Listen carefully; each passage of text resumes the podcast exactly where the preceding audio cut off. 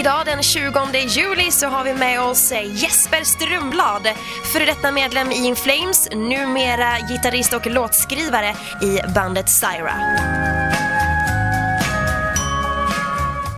Oh, jag har tagit en dödlig dos. Jag tar lite till, säger Jesper Strömblad sommaren 2016 hållandes i ett preparat som man definitivt inte kan köpa på apoteket. Men nu sitter jag här 2017, det är juli, jag är pigg och glad och redo att dra tillbaka klockan till 1972. Det var året då jag föddes. Jag föddes väl likt de flesta andra och fort gick det. Eh, det var på Mölndals sjukhus och jag är den sista i raden av tre. Jag har två stora bröder, Magnus och Daniel som är fem respektive sju år äldre än mig. För att inte bara snacka musik kan jag också berätta lite om min barndom och hur den i korta drag var den var jättefin. Jag hade underbara föräldrar, snälla syskon. Jag ser tillbaka på den som härlig, nästan som i Bullerbyn faktiskt. Och I vuxen ålder kan jag väl fråga mig hur mina föräldrar år efter år har stått ut med det här konceptet om att åka och kampa med tre små bråkiga barn i baksätet på Amazonen. Gå och leta efter sin campingplats mitt i natten, hungriga barn och mamma som gråter. Ja, inte riktigt så illa var det. Men ni som har sett, vi hade i varje fall tur med vädret. Det summerar väl upp ungefär hur våra somrar såg ut. Och eftersom jag är här i egenskap av musiker och jag, ja, även min person såklart, så, men framförallt musiker, så kan jag ju berätta hur det startade. Och jag fick min första fiol när jag fyllde fem. Och det kanske var ganska ovanligt för en femåring som gissningsvis vanligtvis önskar sig BMX-cykel och leksaker, men jag önskade mig alltså en fiol. Jag lyssnade på kassettband med riksspelmän medan mina kompisar lyssnade på Mora Träsk och dylikt. Så visste jag ganska tidigt att jag hade en musikalisk ådra i mig och det kommer ju från min pappa, vars pappa, vars pappa, vars pappa och många generationer, ja nu tog jag nog i lite, men många generationer tillbaka är spelmän. Jag började öva flera gånger i veckan Eh, i cirka sju år kanske. Eh, eh, tills dess att jag fick en Iron Maiden-skiva i present. Och I samma veva köpte jag en gammal Kiss-skiva av en kompis till min bror och upptäckte därmed hårdrocken. Då ville jag inte spela fiol längre, för då ville jag spela elgitarr. då ville jag spela elgitarr för hela slanten. Jag var helt såld.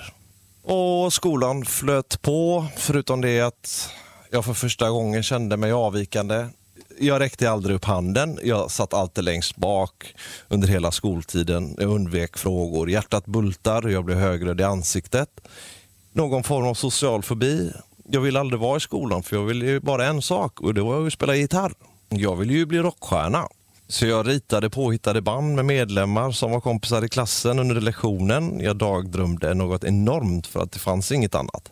Det är ju en väldig utopi att tro att man ska kunna livnära sig på musiken överhuvudtaget. Men med mycket tur, extremt hårt arbete och kanske en liten bit talang så har det ju gått. Ja, jag får väl sätta på mig offerkoftan en, en liten stund här och tillägga att jag blev ganska mobbad under min eh, skoltid för mina utstående öron. Så att jag blev väldigt blyg, och blev väldigt tillbakadragen. Jag var lite rädd för snygga tjejer.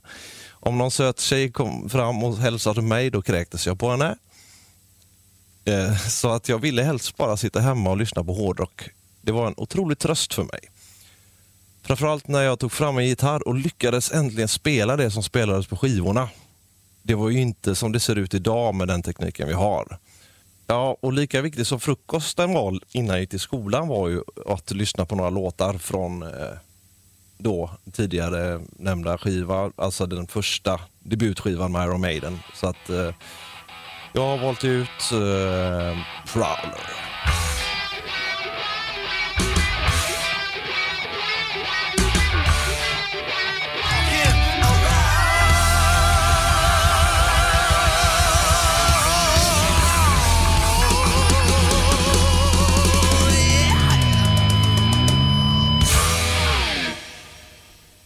Jag startade mitt första band ironiskt nog med den nuvarande gitarristen i In Flames, Niklas Engelin.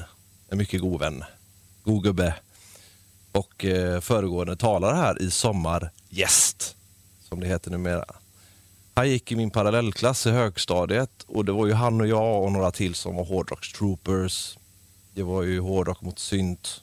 Till slut fick vi ihop ett par killar som vi repade ihop med varje torsdag kväll, kom jag ihåg, i eh, fritidsgården Tyrolen i vår skola, Tynneredsskolan i Frölunda där jag är uppväxt. Vi hette Poltergeist. Eh, vi spelade väl hellre än bra, men eh, man kan väl inte begära så mycket mer av en 12-13-åring heller.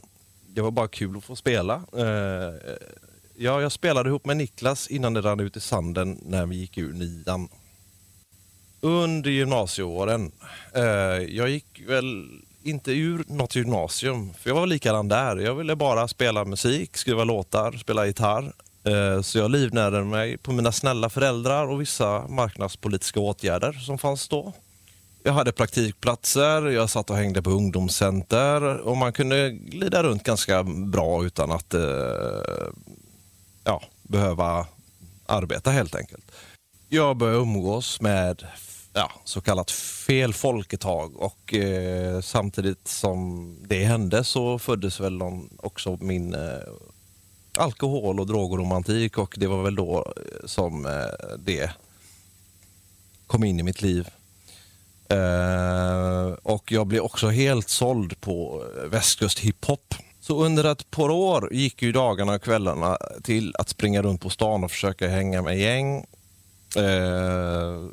Vi kände oss tuffast i världen, men någonstans kände jag att det här är ju faktiskt inte jag. För det första är jag ju inte våldsbenägen för fem öre. Och sen låg hårdrocken någonstans latent och väntade för att få blomstra igen. Jag gjorde det fatala misstaget att sälja mina hårdrocksvinyler för att köpa massvis med hiphop istället. Man kunde ju liksom inte lyssna på både och. Så, och så ser det inte ut idag. Idag älskar jag ju hiphop, hårdrock, R&B, folkmusik, allt däremellan. Men på tid, den tiden var det ju inte så. Det var ju antingen eller, men det har ju eh, lyckligtvis suddats ut idag. Och det har gjort att musik har blivit mycket roligare och man, den har utvecklats. Och idag kan du eh, lyssna på eh, hybrider med eh, hiphop, hårdrock eh, och allt däremellan och det är kul. Och, ehm, men här kommer vi in på en litet crossroad i min liv kan man säga. Eh, man skulle kunna dra det till en spets hela tiden är där. Men det här var faktiskt väldigt viktigt och avgörande. För jag var ju inne i mitt hiphop-lyssnande eh, sparkandes. Jag eh, tränade fullkontaktkarate på den tiden och det var jättehäftigt tycker jag. Men så ringde en gammal kompis till mig, en gammal hårdrockstrooper som sa att ikväll så kommer ett band till fritidsgården som heter Desecrator. Och de var tydligen helt galna dessa killar, för de var satanister gitarristen och sångaren hade skurit upp ett upp och nervänt kors i överarmen och de hade upp och nervända kors på scenen. Och jag tänkte, det här måste ju, ja, okej okay då, jag hänger med, tar mig en bulle och en saft i eh, eh Tyrolens café och kollar vad det här är för något. Desecrator bestod då av Oskar Dronjak som många känner igen från Hammerfall på sång. Eh, Marcus Nordberg på trummor. Han spelar med Chuck Norris Experiment och Anders Ivers eh, från Tiamat vars lillebror även är min bandkamrat och goda vän. Men vad jag uppmärksammade var ju att de hade ju ingen basist. Eh, nu så här i efterhand, eh, det här var väl 25 år sedan, kommer jag inte riktigt ihåg. Men jag tror att jag på något sätt fick tag i numret till Oscar eh, så att jag eh, fick provspela med dem och jag blev medlem i Desecrator som basist. Och som bara efter ett par veckor eller månader bytte namn till Ceremonial Oath. Eh, runt 1991 hade vi precis skrivit ett par låtar för att åka upp till den anrika studion Sunlight i Stockholm. Och alla som är lika lastgamla som jag, de vet vilken, eh, vilken eh, klassisk studio det är och vilken, vilken eh, ära det är fått, faktiskt att fått spela in där idag. Ehm, som, som sagt, som på den tiden för hårdrocksmusiker i min generation, en blöt dröm att få spela in med Thomas Skogsberg, denna legend.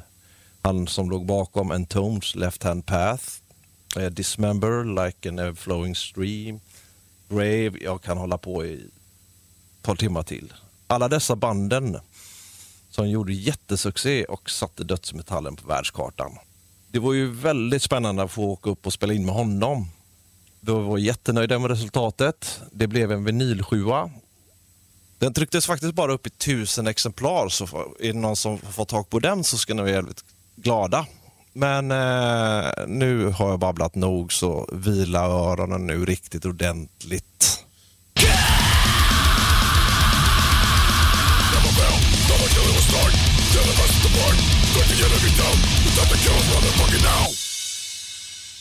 Vi fortsätter lirare och vi spelade sedermera in ett fullängdsalbum som heter Book of Truth eh, hos eh, på ett, en studio som heter, hette Rainy Day Studios som var en av faktiskt den numera världsberömda, eh, får man väl säga, producenten Fredrik Nordström, Fredman även kallad. Eh, detta var oktober 1992. Eh, kände mer och mer att jag hade så mycket, med mycket idéer om att man skulle kanske kunna göra någon slags hybrid av det här soundet. Ja, att man kunde lägga in lite melodi i det här. Melodi skapar ju en enorm atmosfär tycker jag. Men då kan jag ju tillägga att det fanns många band före oss som har gjort det här. Eh, jag skulle väl eh, personligen säga att den så kallade melodiska dödsmetallen, eller Gbg döds som eh, folk har döpt den till, den började ute i Bildal med tvillingarna Björler och Anders och bandet At the Gates Eh, som hade väldigt stort inflytande på mig eh, och även Glenn, eh, för, den före detta gitarristen i In Flames. Då. Och även Dissection som jag fortfarande anser deras skivor är absolut, absolut de bästa och mest oslagbara i genren. Och idag reagerar man ju inte så mycket när man hör en låt när någon sjunger vanligt i refrängen och growlar i verserna. Det är mycket solon, det är mycket melodiska solon. Fast på den tiden var det verkligen det. Death metal och death metal. Det skulle vara growl, det skulle vara satan, det skulle vara blod och tarmar. Här fanns det ingen melodi inte. Så det där blev något nytt och det spred sig som en löpeld över må av många av de här banden. De flesta som jag sa tidigare kom från Göteborg och västkusten. Men eftersom alla ska sätta allt i ett jävla fack så fick vi väl också eh, kasta in eh, de fantastiska skåningarna Soilwork där bland annat. Och många andra som eh, de fick skjutas, skjutas in i det här facket helt enkelt. Men så är det med journalister. Det var ju som när grungen kom. Det dummaste ord jag någonsin hört kanske. Eh, vad är grunge? Ja, är det, ett band, det är ett band som kommer från Seattle. Ja, Nirvana spelar grunge. Det gör även Heart då. Och Queenstrike. Men det är ju något som inte de har hittat på. Det är ju media som alltid är så jävla noga med att alltid sätta allt i ett fack. Så att, ja, nu spårar jag lite, men eh, så tycker jag om eh, det är. För att det är väldigt svårt att beskriva sin musik och folk eh, är väldigt snabba med att sätta musiken i ett fack. Men tillbaka till Ceremonial Oath-lägret. Oscar hoppade av och det rann väl lite mer eller mindre ut i sanden. Och då hade jag och min kompis Johan Larsson, eh, även eh, originalbasist i In Flames, tillgång till en replokal som mer eller mindre, vi kunde spela när vi ville. Det var, en, det var ett hus som på något sätt hade hamnat eh, mellan stolarna av kommunen. Så att vi hade nycklar, vi hade fester, vi hade telefon och vi, ja jättekul. Men så att eh, det var ju inte någonting, eh, vi hade ju ingen ambition med det här så att det mesta vi gjorde det var att spela lite Arvingarna covers, lite lätta låtar, melodisk hårdrock. Jag kommer ihåg att vi spelade Symphony of Destruction, lite sånt.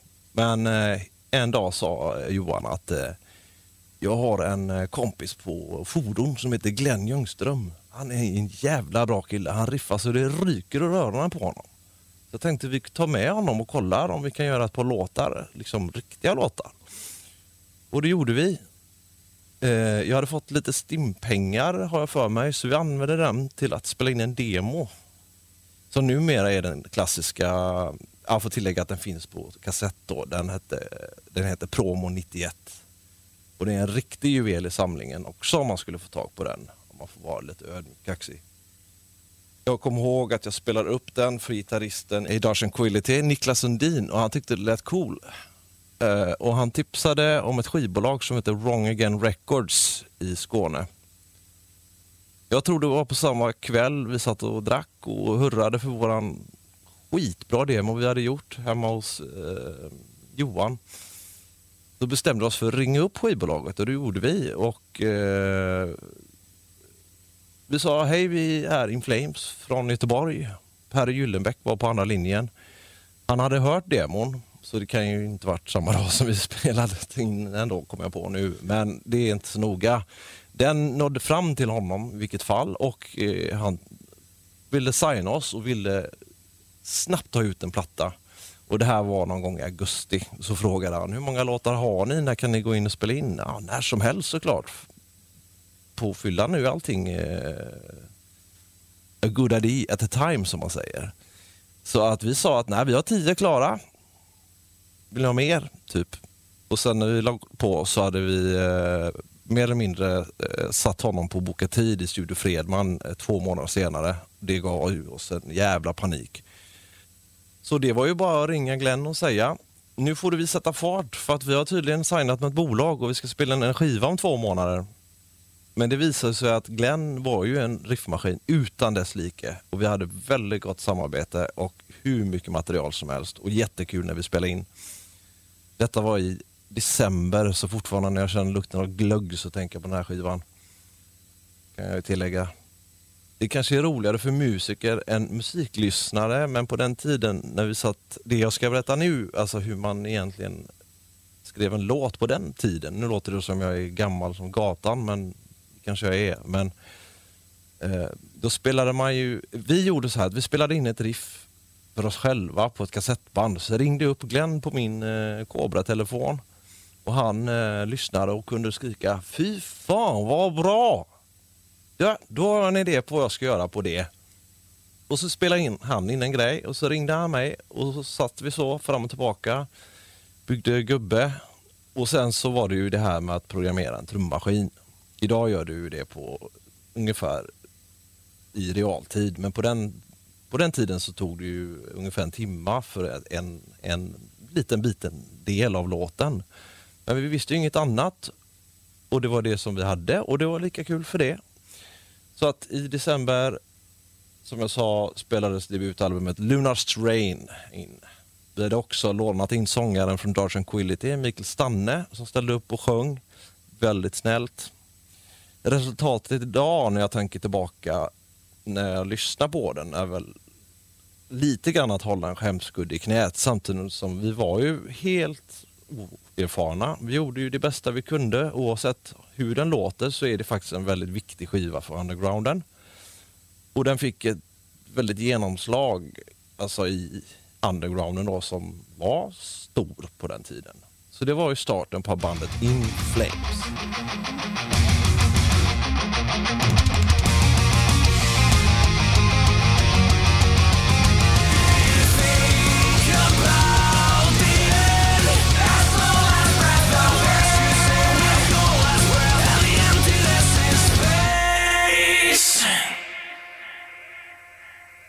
End från senaste plattan Battles. Men mitt och Oscars, alltså Oscar Dronjaks samarbete tog ju inte slut med Ceremonial Oath faktiskt. Vi höll ju kontakten och han ville, fort, han ville sätta ihop ett heavy metal-band. Nu går vi tillbaka till 94 ungefär. Jag tänker på att det har gått många år och eh, många öl genom den här magen så att jag gör så gott jag kan.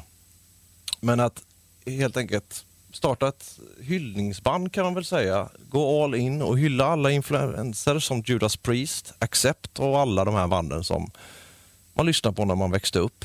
Och på den här tiden så måste jag ju nämna att alla de här banden, alltså power metal, heavy metal, det var i vilket fall i Sverige var det ju dött och begravet. Eh, jag fick i varje fall en demo i min brevlåda och jag skulle spela trummor på det här. Under den här tiden i Göteborg så hade vi en tävling som hette Rockslaget och vi ställde upp två år utan någon som helst framgång, mer än mest skratt. Men vi hade jätteroligt.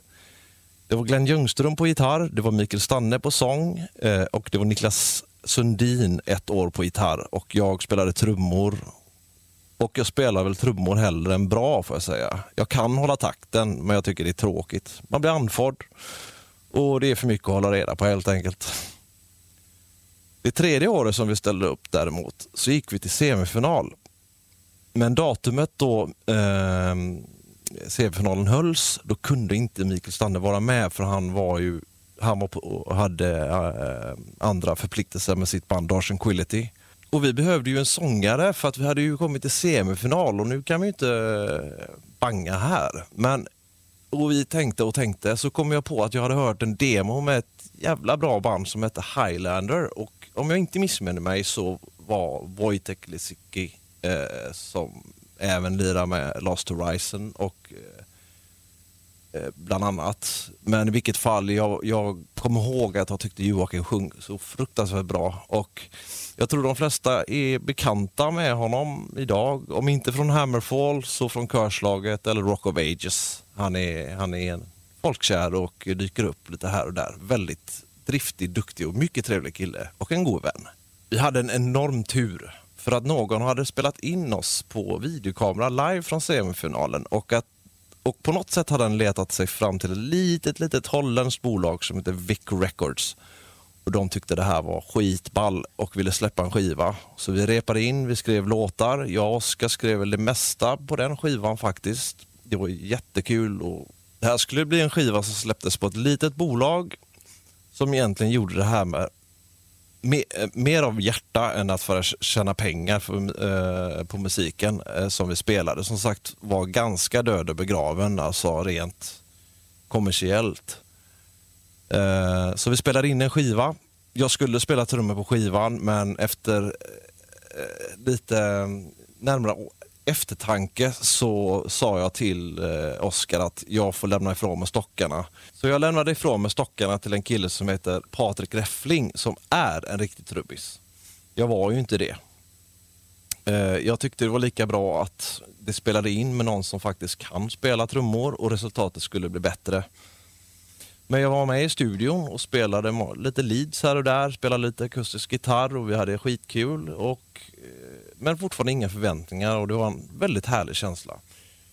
Eh, ett par månader senare dock så åkte jag på eh, In Flames faktiskt första Europaturné som det kallades. Det var inte så mycket till turné, det var kanske tio datum i Tyskland och ett i Schweiz. Men för oss var det ju enormt stort. Vi hade turnébuss och allt möjligt och eh, ja, det var häftigt. När vi kom till Stuttgart, där våra dåvarande skivbolag, eller dåvarande Inflames skivbolag får man säga då, Nuclear Blast höll till. Och då kom en eh, representant från skivbolaget, eh, som de brukar göra när man spelar i krokarna. Ehm, och ehm, drack upp våra öl medan vi stod på scen, som eh, representanter eh, så väl brukar göra. Men jag hade med mig en kassett med den eh, mixade Hammerfall-plattan som var rykande färsk då.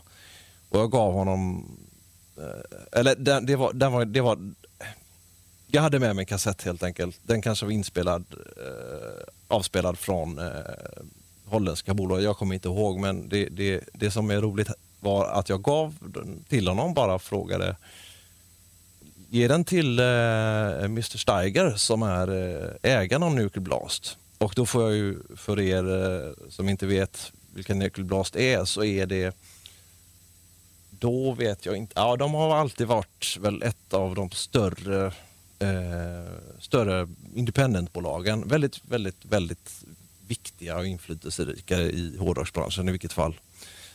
Och han blev helt eld och lågor och han skulle ha det här till varje pris. Och det fick han.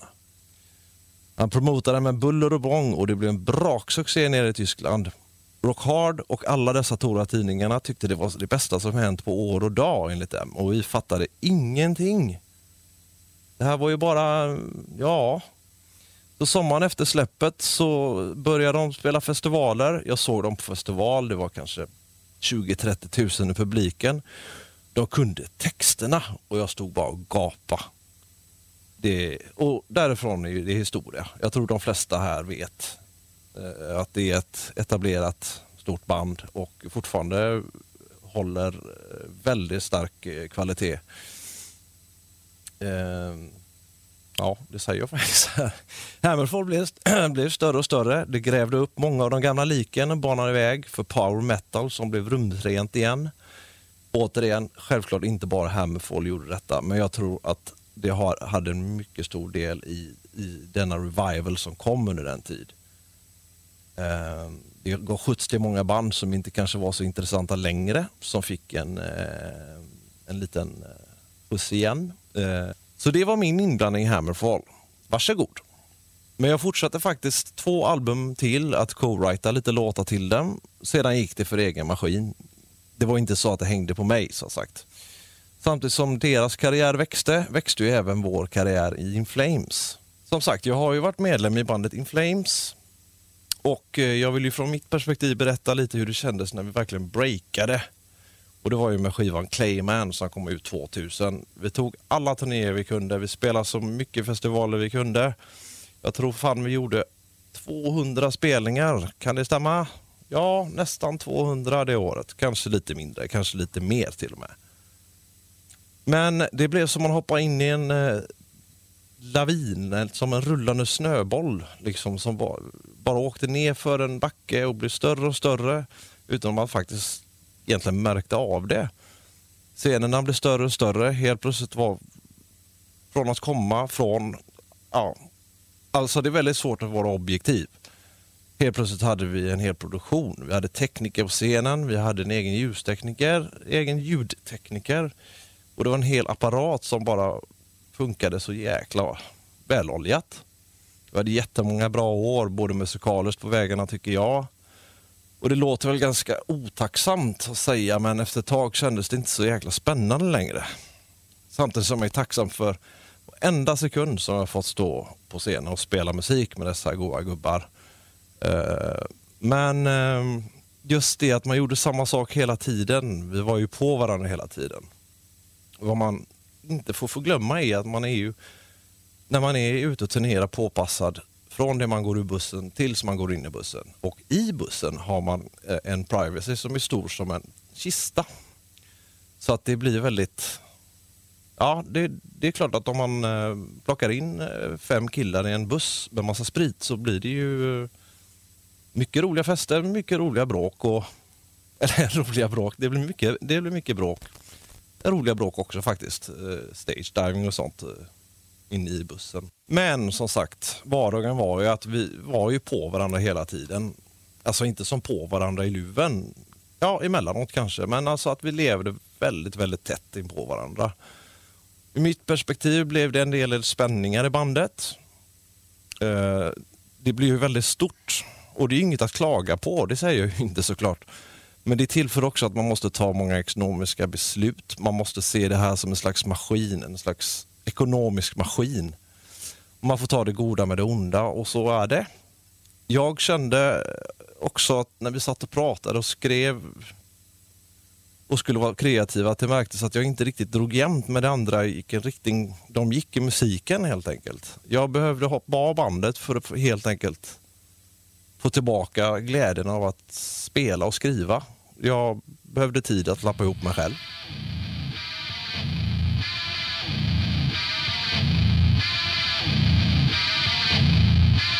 Say what, say what. Say what, say what. Say what. You, and I'll eat you. And I'll lick your little tank mother. Say what, say what.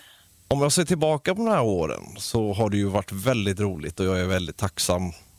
Jag skulle kunna sitta timvis och dra historier om galenskaper som, galenskaper som har hänt under tiden vi varit ute på vägarna.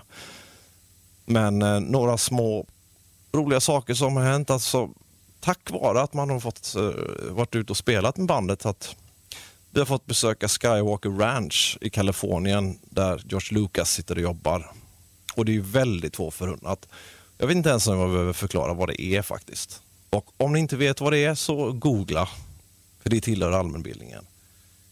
Vi har åkt naken-bob ner för nödutgångstrappor i Tokyo på 37 våningen. Vi rev av en garderobsdörr. När vi blev fulla tyckte vi det var jättekul att vara nakna. Helt platoniskt dock. Vi satte oss på dörren nerför trapporna, slog oss halvt ihjäl och skrattade och skrattade så vi höll på att kvävas. Och så fortsätter det. Vi hade något som kallades för klantfonden.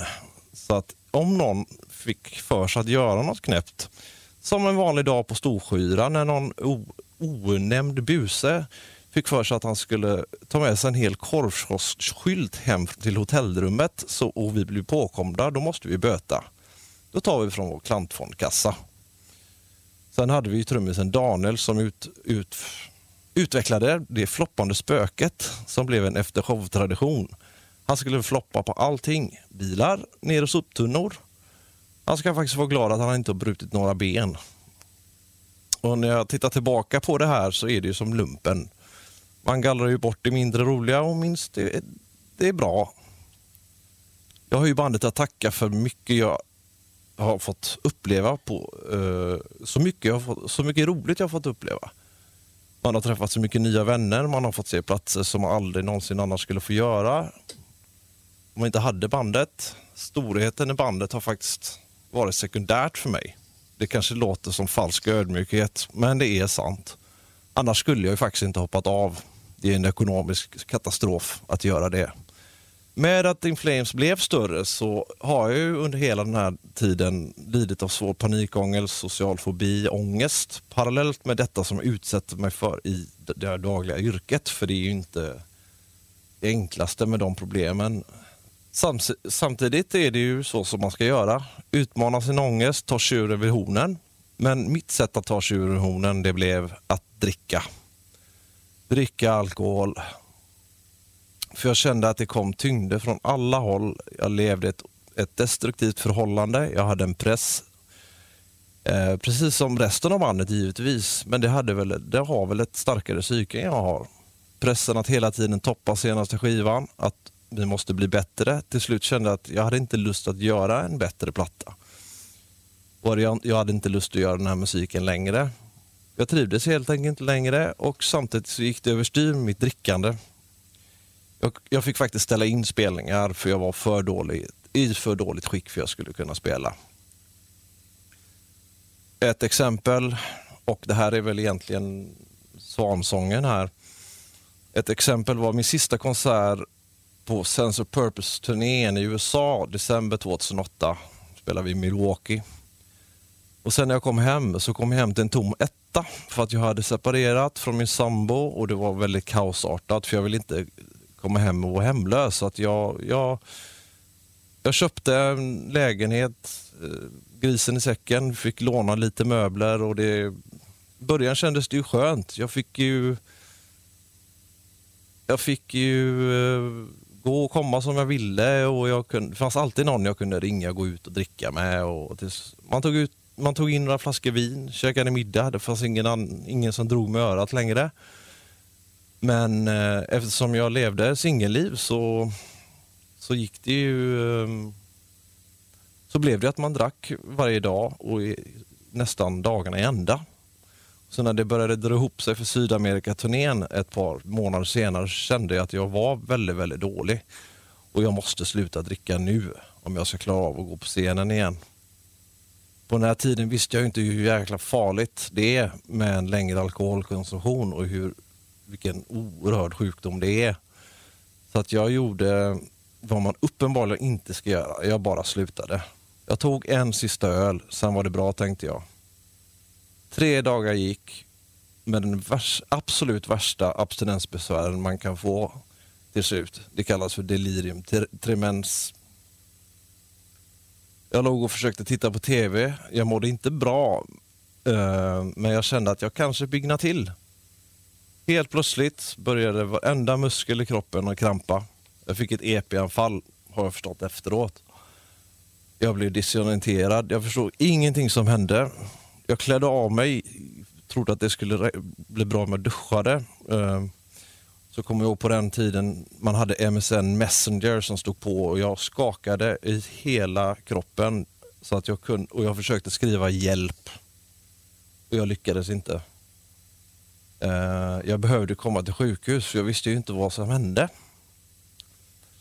Eh, och det här var en obeskrivet känsla. Jag önskar inte att någon skulle kommer behöva uppleva det. Till slut hade jag sansat mig så pass att jag kunde ringa vår dåvarande assistent Biffen, Biffen Jansson, denna hjälte som övrigt också har sommarpratat här. Han kom och hämtade mig fyra på morgonen och jag blev körd till psykakuten. Eh, diagnostiserad med alkoholism och inlagd för avgiftning.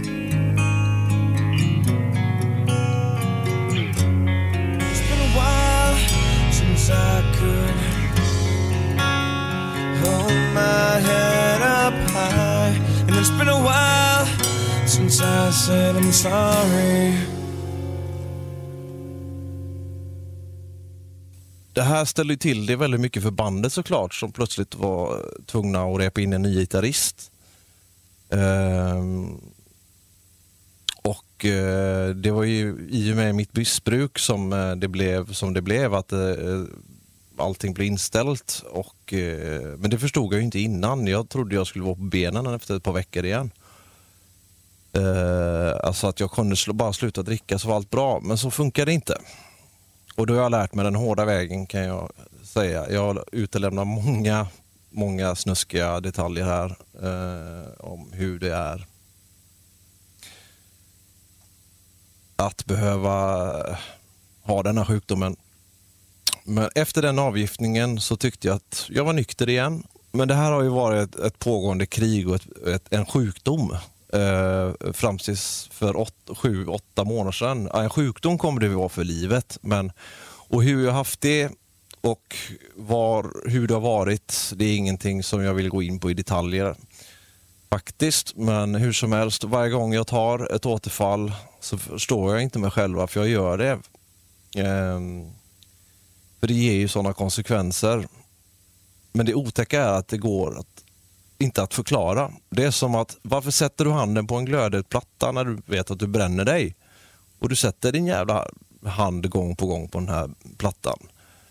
Det är någon jävel uppe i huvudet som säger åt mig att göra det och jag har inte kraft nog alltid att stå emot. Och det är en otroligt otäck insikt.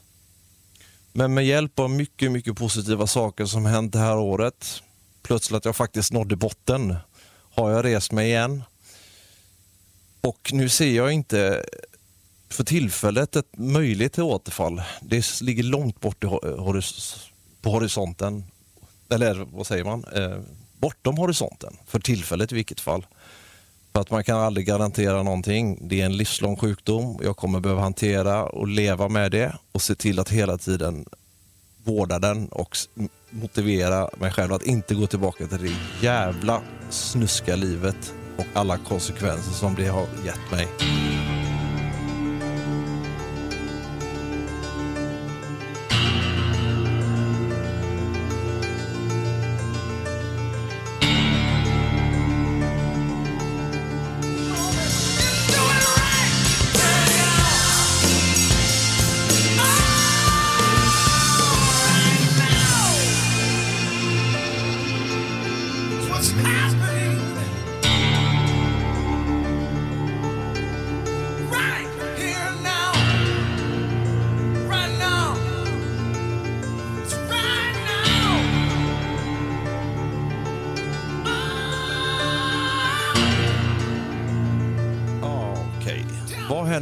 För Jesper då? Jo, jag har ju varit utan band nästan i sju år om man, inte, om man bortser från Resistance. Eh, och det kan vi ju givetvis inte bortse från. Men eh, vi, vi gjorde egentligen tre skivor och ett handtal, handfull gig, men det var, det var det. Men jag är väldigt glad att jag fick släppa första skivan för det var ändå ett livstecken från mig. Eh, att jag fortfarande har ett enormt intresse för musik och skriva musik. Både det och att i mitt privata liv komma längre ifrån det destruktiva. Ja, så det gick några år och fortsatte fram och tillbaka med tyvärr alkohol och diverse andra substanser. Men nu i vilket fall är jag tillbaka tillsammans med Jake, känd från Amarant, Peter Ivers som var min gamla bandpolare i In Flames och Alex Landenberg från diverse band. Eh, Annihilator, Rhapsody eh, bland annat. Men eh, som eh, är våran eh, eller nu börjar jag i fel ände känner jag här, men eh, nu, jag spelade upp med dessa eh, härliga herrar och det gick till så att ehm, december, någon gång i december 2015 så skulle jag och Jake träffas och prata om en sak som faktiskt inte alls hade med detta, eller med musik att göra överhuvudtaget. Vi hade väl eh, umgåtts ganska mycket och så hade vi inte setts på nästan ett helt år och så var det lite saker som skulle redas ut. Inget farligt. Ja, vi hade stått såklart. Eh, men, eh, men i vilket fall, vi började prata om musik såklart. Det blir ju så. Och Han sa att han är jäkligt sugen på en soloplatta. Och jag är också jävligt sugen på en soloplatta. Vi satt nog i ungefär samma sits där. Och eh, Dessutom så ville jag ju att Jocke skulle sjunga min soloplatta. Och då eh, Dessutom när vi hade droppat lite namn om referenser och um, hur, hur, vad vill, vilket sound, vilket sound, hur, vart, vilket håll vi vi går helt enkelt. Så, så var det ju till 100% nästan likadant. Så då var det ju bara, jag ställde mig upp och frågade, men vi bildar ett band. Och som sagt, det vet ju alla att band bildas ju hundratals varje helg på fyllan. Men vi tog i hand. Det här var på fredagen. På måndagen åkte jag ut till Jakes demostudio och startade. Vi skrev en låt och åkte hem och hade en klar. Och det kändes så bra. Jag hade så jäkla roligt. För det första fick jag umgås med en av mina bästa vänner och det var väldigt roligt att spela igen. Vi dividerade lite fram och tillbaka. Men vi gjorde det på ett sånt bra sätt. Kemin var otrolig. Eh, jag har aldrig haft sån här bra kemi med någon kan jag faktiskt säga. Och jag har honom att tacka eh, för att musiken är så stort intresse igen och en väldig terapi för mig. För att hålla sig nykter och sansad. Vi signade med ett bolag och eh, efter bollande med både med bandnamn så eh, kom vi fram till att vi heter Syra. Och nu när ni hör detta så är det två månader kvar till första singeln kommer släppas. Första videon. Och så kommer skivan ut någon gång i oktober är det tänkt nu. Jag kan inte säga riktigt när. Eh, men eh, Så skivan är klar och från den dagen då jag och Jake satt och hade samtalet tills idag har det hänt jättemycket. Nu vill jag redan börja skriva på nästa platta. Jag är otroligt ivrig att få fortsätta med det här för vi har så jävla roligt. Så nu sitter vi här, skakar lite, biter i naglarna och inväntar våran dom för vad folk kommer tycka. För det här är ju inte In Flames. Det här är ju inte Amarant. Det här är någonting vi kombinerat till någon slags jävligt bra hybrid metal. Eh, det är, är så jag skulle beskriva det. Jag ser jättemycket fram emot att den släpps, att få stå på scen igen framförallt med de här människorna, att kunna turnera igen utan det destruktiva i alkohol. Jag kanske lär mig sticka, vem vet? Sudoku. Det blir nyktert, det blir seriöst, men det blir jätteroligt. Man upplever allting fast man upplever allting på riktigt. Inte en jävla soppa och fylla. Eh, så jag skulle ju givetvis inte heller vill mer spela en låt för det, men det kan jag ju som sagt inte. Kan eh, jag kan eh, nynna lite kanske. Slutet. Men jag är så himla sugen på att hoppa in och börja skriva på en ny Syra-platta. Ehm, men det som ligger närmast till hands i min planering det är att starta och så ett frö att äntligen börja skriva min soloplatta som jag har väntat så många år på att göra. För det har faktiskt aldrig funnits någon tid. Så det som pågår nu, så det är det som pågår nu. Roliga tider. Och eh, det var allt jag hade idag. Tack för eh, att ni lyssnade. Eh, som sagt, jag är inget radioproffs på det här men hoppas att ni ändå har eh, tyckt att det varit intressant. Ha en underbar sommar och hoppas att ni kommer tycka om det vi har gjort. Puss på er!